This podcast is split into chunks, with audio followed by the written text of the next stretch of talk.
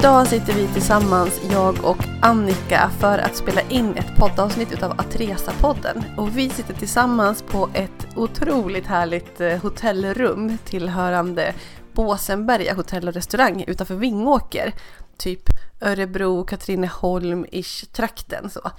Eh, vi har ju ett långtgående samarbete med Countryside Hotels som också är med och sponsrar det här avsnittet utav podden. Countryside Hotels är en sammanslutning utav cirka 40 hotell från Skåne i söder till Dalarna i norr. Det är en samling av anrika slott, pampiga herrgårdar, charmiga värdshus, snygga designhotell och gemytliga pensionat och gästgiverier. Och Båseberga som vi sitter på just nu, jag vet inte riktigt vart de kommer in. Vilken kategori skulle du säga att det här tillhör? Ja, men jag tänker att det är någon blandning mellan lands allt är ju landsbygd här, countryside. Men det känns verkligen som man kommer ut på en herrgårdsliknande eh, miljö och det är fullt med höstfärger, det är golffokus här, det finns en golfbana precis bredvid.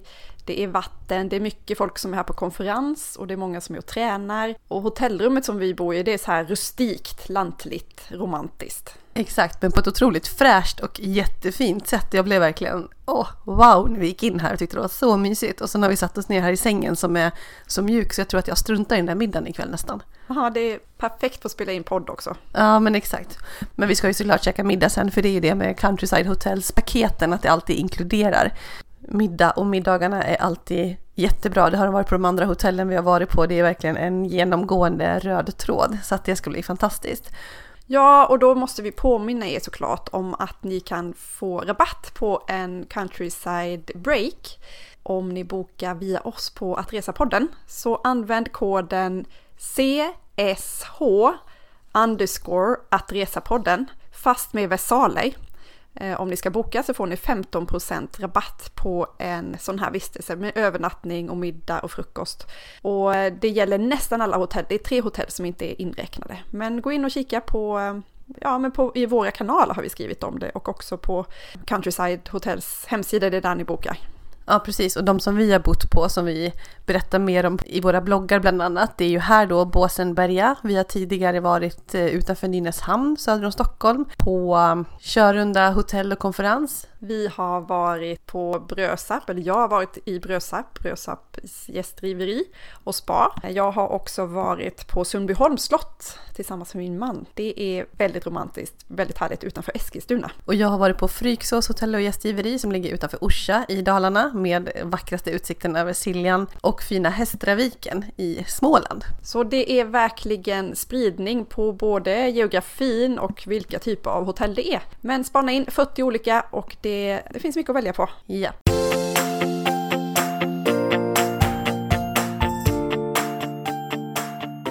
Och det här är alltså Att Resa-podden med mig Lisa Falåker som bloggar på letsgoexplore.se. Och jag heter Annika Myre och bloggar på resfredag.se. Och nu har vi kommit fram till avsnitt nummer 90. Alltså ett nytt tiotal. Ja, precis. Och de har vi ju hela tiden kört lite speciella avsnitt, typ frågeavsnitt. Men nu tänkte vi göra en liten ny grej, i alla fall det här avsnittet, så får vi se hur det, hur det känns. Men vi tänkte prata om nyheter, för det är ju så att vi som resebloggare och allmänt väldigt reseintresserade, vi snappar ju upp konstant nyheter och saker som händer på marknaden. Vi tänkte snacka lite mer sånt som inspiration och eh, ja. Ja, det blir en liten annan twist på det här avsnittet. Yes. Jag tänker att en av de senaste tidens riktigt stora snackisarna i resebranschen ändå måste vara Thomas Cooks konkurs. Mm. Ja men den här nyheten var så stor i resebranschen och överhuvudtaget i hela världen för det här är väl ändå på något sätt ett en bekräftelse på att det är nya tider, vi lever i en föränderlig värld, det är mycket som händer, våra köpbeteenden förändras, hur vi reser förändras, eller gör det det? Det är ju det som är den här stora frågan. Vad beror den här konkursen på egentligen? Och hur kommer det se ut framåt? Är charterresan som koncept död? Vad, vad, vad tror vi om det här? Jag vet inte, eller ja, jag vet vad jag tror, men vad tror du? Nej, men jag tror att det är enkelt att säga att det bara finns en enda orsak till att de har gått i konkurs, såklart. Mm. Ja. Det finns väldigt många faktorer som, som andra experter säkert har jättemycket att säga om. Jag tänker att um, det som jag har fått höra då och läsa om är att eh, en av anledningarna är att de har inte riktigt i Storbritannien då, att de inte riktigt har hängt med i digitaliseringen. De har kört på med sina resebyråer, kataloger, folk liksom bokar på ett annat sätt idag. Man bokar via nätet men de har fortfarande kört på med sina resebyråer. Sen ska jag också säga så här att jag har en syster som bor i Skottland i Storbritannien och när jag pratar med henne så säger hon att eh, hon tror att en stor del av orsaken är den dåliga ekonomin och oron såklart inför Brexit. Att folk vågar inte boka resor för de har ingen aning om hur framtiden kommer se ut. Mm. Nej men precis, så det är ju garanterat många olika anledningar.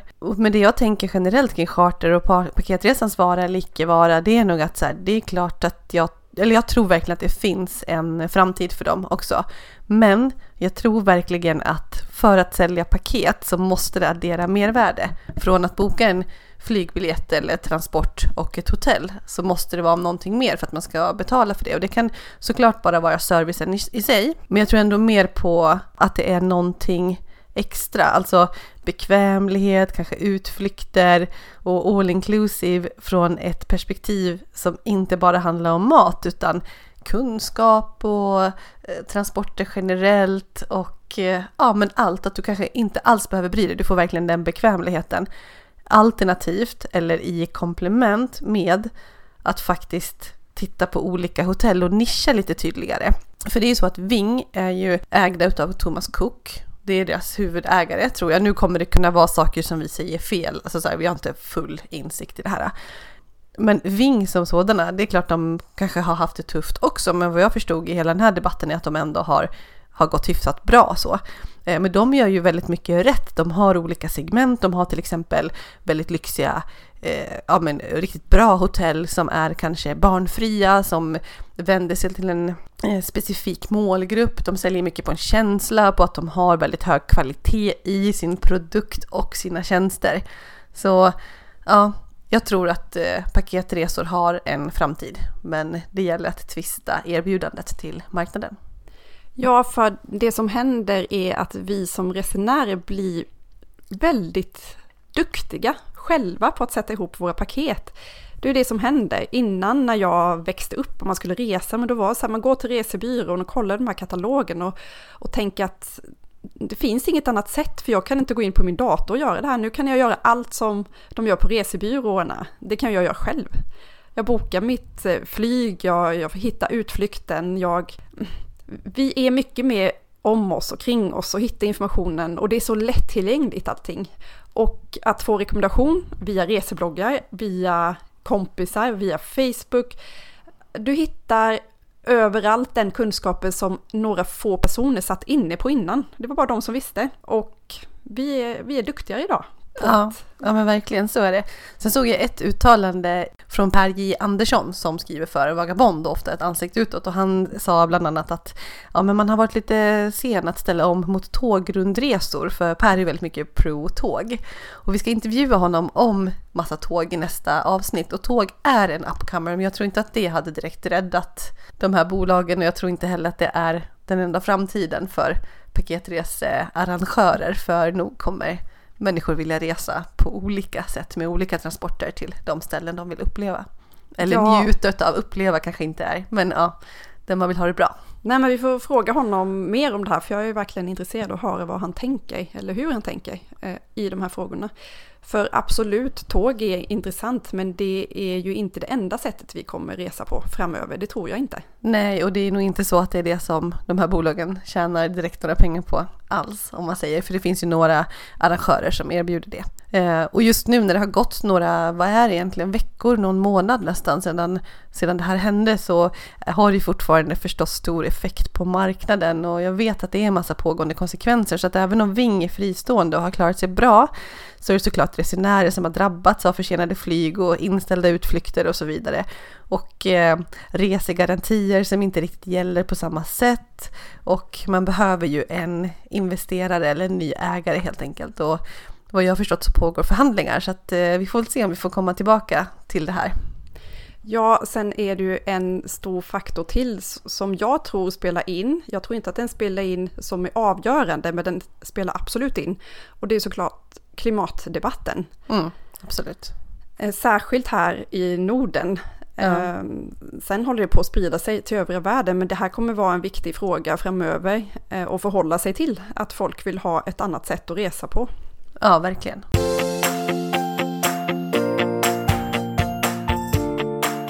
på resefronten så finns ju faktiskt en, eh, alltså om man lyssnar på det här i realtid, om man säger i princip när vi släpper, vilket väldigt många av er gör, det är ju otroligt kul. Då är det ju så att höstlov och höstresor är på tapeten. Annika, blir det något för dig under höstlovet i år? Kommer du vara ledig? Kommer du dra till något kul ställe? Jag kommer jobba en del, men jag kommer vara ledig ganska mycket.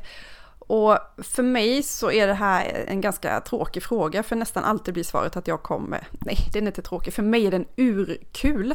Jag ska åka till Blekinge, det är det vi brukar göra på höstlovet. Antingen åker vi till Tobias familj i Göteborg, eller så åker vi mot min familj. Och det här året åker jag till Karlskrona tillsammans med barnen, Tobias stannar i Stockholm. Och eh, den här gången ska jag ändå försöka göra lite utflykter runt om, inte bara hänga på Sturkö som vi brukar göra, utan ska åka till Karlshamn bland annat med barnen tänkte jag. Eh, så det kommer vi göra och alla mina syskon kommer vara hemma samtidigt. Min syrra kommer från Skottland. Så tänk sju syskon samlade. Det blir jättekul, tänker jag. Ja men det låter ju superhärligt. Man behöver ju faktiskt inte åka långt borta. Och jag kommer också hålla mig på hemmafronten och spara både semester och eh, ja, resor generellt. Jag tänker att man får ju ha sin lilla, sitt utrymme och vi har varit långt borta redan den här hösten och så, så att det blir hemma för mig också. Men du brukar ändå passa på att resa på höstlovet med familjen? Ja, men det har vi faktiskt gjort, eh, vilket går hand i hand med att vi under jul och nyår de senaste åren har velat vara i Åre och åka skidor, för vi har lägenhet där. Eh, så då har vi inte velat vara borta då och då försvinner ju liksom möjligheten att resa med barnen och framförallt på vinterhalvåret när alla vinterns lov går till går åt till att åka skidor. Nej, men så vi var ju i Guadeloupe förra året och vi var i Karibien för två år sedan och för tre år sedan eh, på kryssning. Eller om det var nej, två år sedan och sen fyra år sedan. Ja, du vet, jag minns inte ens. Men i alla fall. Eh, men i år blir det hemma och eh, det känns jättebra. Men eh, jag läste någon sån här lista över vad som är mest bokat i Europa faktiskt. Och eh, det är intressant tycker jag av flera anledningar. Det som är mest bokat i Europa just nu på hösten, jag vet inte om det är absolut till just höstlovet, vecka 44, eller om det är generellt i kanske november eller så, så är det London, Malaga, Alicante, Barcelona och Istanbul. Och London är ju konstant högt. Malaga och Alicante lika så, för det är väl kanske så folk åker och hälsar på sina eh, föräldrar eller släktingar eller vänner som har ställen där nere och som övervintrar under vintern. Men Istanbul tycker jag är intressant för att det är ändå så, Istanbul är en otroligt härlig stad måste ju vara det bästa staden att åka till den perioden. Och Turkiet generellt har ökat, men ska man prata nutidsspaning och omvärldsspaning så är det ju just nu otroligt tufft läge. Så det här kommer ju garanterat slå på hur det bokas nu efter att Turkiet har gått in i norra Syrien. Ja, jag tror att om vi hade fått se en dagslista över bokningar idag, då hade det mm. inte varit mycket Turkiet på den listan. Nej, men verkligen. Den är redan nu inaktuell. Mm. Men det är Spanien, svenskarna älskar Spanien. Både Malaga, Alicante och Barcelona på listan. Mm. Ja men exakt, nej men det är kanske inte så förvånande för den här perioden ändå. Sen en annan spaning att Egypten ökar igen. Så det är ju så med de här ställena som har varit lite, ja, de kommer upp och det var samma med Turkiet men eh, det var för några veckor sedan. Ja, folk glömmer snabbt ändå och ja, hittar verkligen. tillbaka snabbt. Ja kring ökande länder så är det ju roligt att läsa en nyhet om Ecuador som vi har pratat mycket om på slutet för att vi var där för bara några veckor sedan. Och det är att Ecuador ökar allra mest generellt. Eh, det är en internationell rapport om turism som det är Hallå i världen finns det en blogg som heter Inger, jätteduktig att skriva, kika in där. Hon har skrivit om den här rapporten International Tourism Highlights Report från United Nations World Tourism Organization och i den rapporten framgår att Ecuador ökar mest med hela 51 procent. Nu vet inte jag exakt vad de ligger på sedan tidigare, för procentuella siffror är ju alltid knepiga i det avseendet. Absolut. Eh, Iran ökar med 49 procent och det kan jag verkligen förstå. Superspännande resmål. Och sen står det just här också att Egypten har ökat. Och Uganda, Nepal. Sen följer Palestina, Vietnam, Georgien, Sydkorea som ökar mellan 15 och 20 procent. Men oavsett om det är lite turism där så är det höga procentuella siffror. Och vad gäller Ecuador hade det varit jättekul att kunna prata om det bara som wow, det ökar och med all rätt. Men istället så är det andra nyheter från Ecuador som har slagit oss och som har gjort oss väldigt ledsna sista ja, veckorna. för bara ett par veckor efter vi kom hem så utlöstes det undantagstillstånd i Ecuador, eller framförallt i Quito. Det har varit jätteoroligt och ehm, för att förstå vad som hänt där, då, då räcker det inte med att, att, nämna att den utlösande faktorn då var att de tog bort subventionerna på, på bränsle, utan det är så många års eh, ja, historia som ligger bakom det här, de här oroligheterna som är just nu.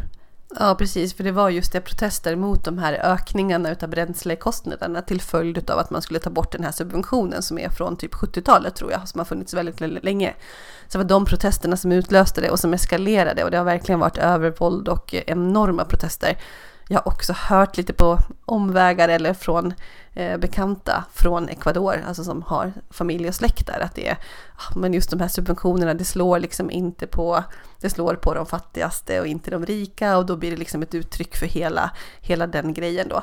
Men det är ingen idé att vi försöker ge oss in på det och säga någonting, men vi har ju läst ganska mycket, framför allt eh, Eh, rapporteringar i engelsk, eh, tids, engelska tidskrifter och så. Alltså, jag menar inte från England utan på, engelska för att det har inte rapporterats så mycket i Sverige och det med all rätt, det är inte så många som jag har nästan inte läst, nej jag tror inte jag läste om någonstans. Nej, fast det har varit på nyheterna på tv och så. Ja.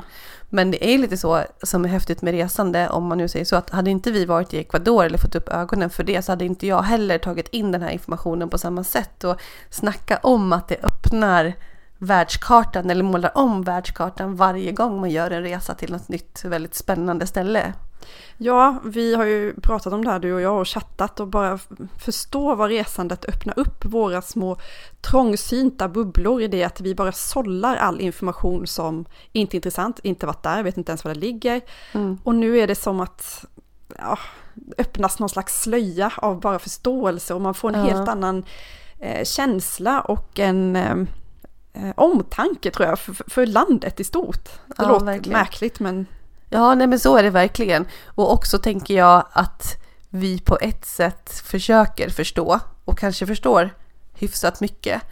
Men skulle inte våga säga någonting om det här för att med risk för att det är fel tolkningar och att vi inte sitter på så mycket information ändå. Men man blir så otroligt eh, intresserad utav att förstå och ja, omtanke utav människorna och landet. Ja, och sen också viktigt för oss att berätta. Nu ja. har vi ändå precis promotat Ecuador som ett resmål och verkligen åka till.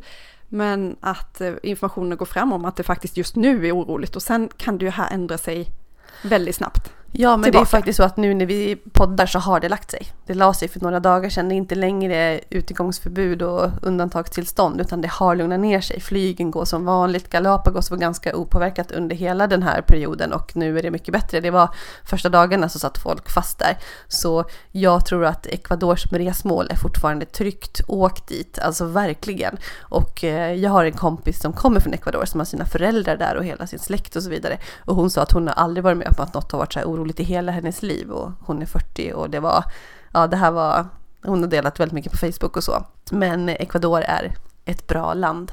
Men kolla på UDs hemsida förstås. Mm. UDs utrikesdepartementets eh, Resklar. Ja, Resklar, precis. Eh, det har jag alltid som app i telefonen och gå in och kolla. Det är verkligen en av de bästa apparna i resesammanhang. Mm. Om du har frågor. Ja, exakt. Och det är det man ska följa som svensk när man ska ut och resa. För att det är de rekommendationerna som till exempel påverkar försäkringar och annat.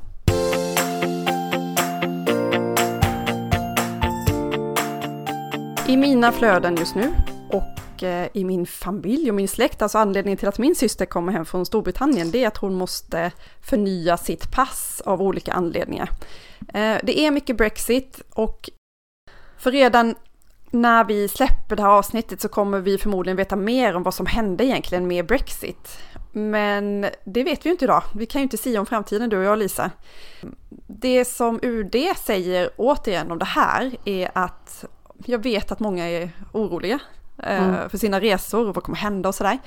Nej men det som man tror kommer hända då, eh, som blir förändringar för oss svenskar, eh, det är att vi har kunnat åka tidigare med ett nationellt ID-kort till Storbritannien. Men nu kommer det krävas ett giltigt pass istället.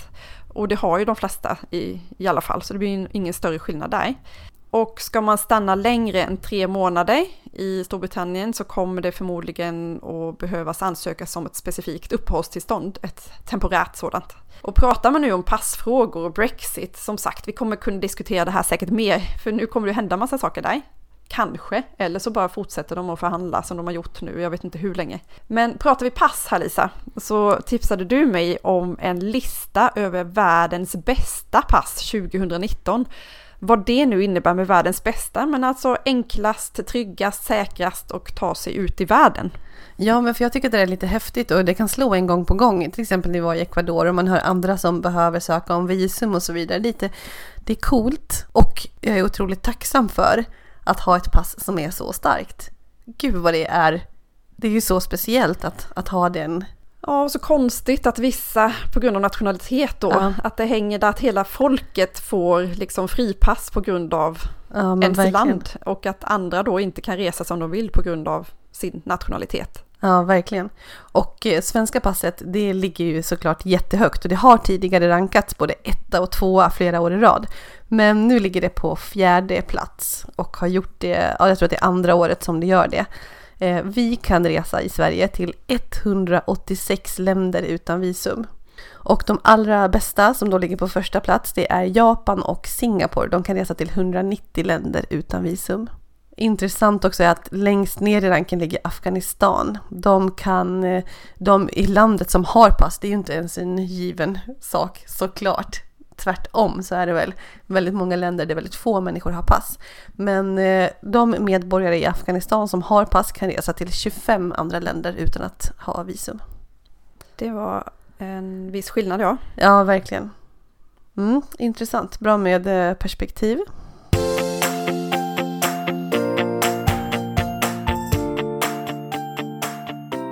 Men ska vi fortsätta då på pressreleaser och undersökningar eh, så har det släppts en SIFO-undersökning som gjorde tillsammans med Apollo som visar att fyra av tio vill yoga på semestern. Ehm, jag undrar nu hur frågan är ställd eh, för att jag tänker att det här är på väg bort lite grann med yoga. Det är min senaste spaning att jag skrev någon uppdatering här för ett tag sedan om att outdoor är det nya yoga för kvinnor i åldern typ 25 till 50. Eh, jag fick mycket medhåll men folk tyckte att jag skulle ta bort åldersbegränsningen. För det här är generellt en trend som vi ser i det svenska samhället att vandring och outdoor överhuvudtaget ökar. Och det känns som att det här med yoga som var superhype för ett tag sedan är lite, inte lika, lika härligt längre. Ja men det är ju lika härligt men det kanske har blivit bara mer naturligt. Så att man har det med sig kanske både i vardagen och på resor. Och det erbjuds ju liksom på väldigt många ställen. Men kanske är det så att temaresorna är snarare yoga och vandring och att eh, det du uppnår i vandringen, det här meditativa och kanske titta ut över fantastiska vidder och så. Det är samma sak, så du får samma känsla. Du är ute efter samma känsla. Ja, det kanske är så att pratar vi trend så är yoga så accepterat att det är inte ens en trend, det bara är. Ja, det är varken en trend eller ett intresse eller någonting, det är någonting man bara gör. Ja. Och det är ju lite kanske kritiken mot outdoor-fokuset just nu. Att det är Alltså outdoor eller att bara gå utomhus och vara i naturen eller vara i skogen eller vandra lite grann. Vi har ju varit inne på det här när vi har pratat om de här trendiga orden. Men att det ska ju vara någonting man bara gör, det är ju så himla lätt att göra. Men att det behöver vara ett intresse och att man behöver identifiera sig med det och så, det kanske är ett tecken på att vi generellt har för lite av det i livet och att det inte bara finns där som en naturlig del av det, utan det behöver vara ett intresse. Mm, och sen tror jag att det finns mycket pengar inblandade i det här också. Ah, ja. Det blir mycket kommersiellt snack. Eh, mm. Det är mycket prylar som behövs när man ska vandra du och gå ut i naturen tydligen. Ja men exakt, ett par byxor och en tröja och ett par skor. Ja. Nej men verkligen, jag ska inte säga någonting, jag älskar outdoor-prylar och eh, funktionskläder, det är bara det bästa. Mm, ja men outdoor är det nya yoga. Det är väl en eh, spaning generellt som kanske mer är en trendspaning än en nyhetsspaning. Ja, men så är det. Fast jag kopplade faktiskt ihop det till en, eh, till en annan som är en nyhet. Det är att Internetstiftelsen släppte sin rapport nu i veckan ja. om svenskarnas eh, internetanvändning, digitaliseringen. Mm. Eh, de släpper den här rapporten varje år. Och det som var liksom mest utmärkande, eller det som man har plockat upp mest i de diskussioner som jag har läst, handlar om att vi är mer medvetna om vår internetanvändning mm. överhuvudtaget. Att det här med medvetenhet kom upp på ett annat sätt. Och tydligen också så ökar bloggläsandet. Jaha, okej. Okay. Jag också. Intressant. Ja. Så att på något sätt det här snabba samhället vi lever i och att vi sitter så mycket med telefonen. Eh, jag tror i och för sig att det var första gången som faktiskt frågan ställdes i undersökningen om medvetenhet om sitt eh, meningsfullhet, ska jag säga, inte medvetenhet utan meningsfullt internetanvändande. Ja, men det är när man får den här skärmrapporten som man får i iPhone i en av de senaste uppdateringarna för kanske ett halvår sedan eller någonting. Där man faktiskt får en, veck en veckorapport och ser hur mycket skärmanvändning man har varje dag och vilka appar som suger tid. Ligger man högt på Instagram då vet man att det är inte bra. Nej, det är, jag får en chock varje gång jag får upp de där siffrorna och bara nej men det måste vara något fel. Ja, nej men exakt. Uh, ja, men med det sagt så bloggläsning ökar, det är ju kul. Det finns ju mycket bra information och eh, det är kul att ni förmodligen, de flesta av er hänger på våra bloggar som vi fortsätter att skriva såklart och att ni lyssnar på oss. Fortsätt sprid ordet om oss, fortsätt lyssna, kom med frågor, fortsätt att inspirera oss till resor så, så gör vi detsamma. Ja, det här var alltså några av de nyheterna och spaningarna inom resebranschen som har hänt de senaste, ja, den senaste tiden som vi har snappat upp. Och har ni några andra får ni gärna tipsa vidare och komma med fortsatta förslag på önskeämnen. Vi har fått in en hel del av er och vi kommer beta av de här nu framöver. Vi har många spännande gäster på gång fram, ja. fram nu, framåt. Och vi får passa på att önska alla en härlig höst och för er som har höstlov, lite extra härligt såklart. Ja men verkligen. Nu ska vi packa ihop oss och eh, stänga av eh, alla knappar och gå ner och vara meningsfulla i det att vi ska sitta och avnjuta en god måltid här på Båsenberga. Och eh, vi är alltså här i samarbete med Countryside Hotel som vi har ett långtgående samarbete med tillsammans med Att Resa-podden. Och glöm inte bort att ni kan få rabatt på en vistelse på ett Countryside Break om ni använder koden C CSH underscore att resa-podden. Stora bokstäver alltså och eh, hoppas att ni hittar något som passar så kan ni väl passa på också då ta en, en liten break från vardagen. Ja det är härligt. Nu går vi ner och käkar tycker jag. Hej då! Tack hej då!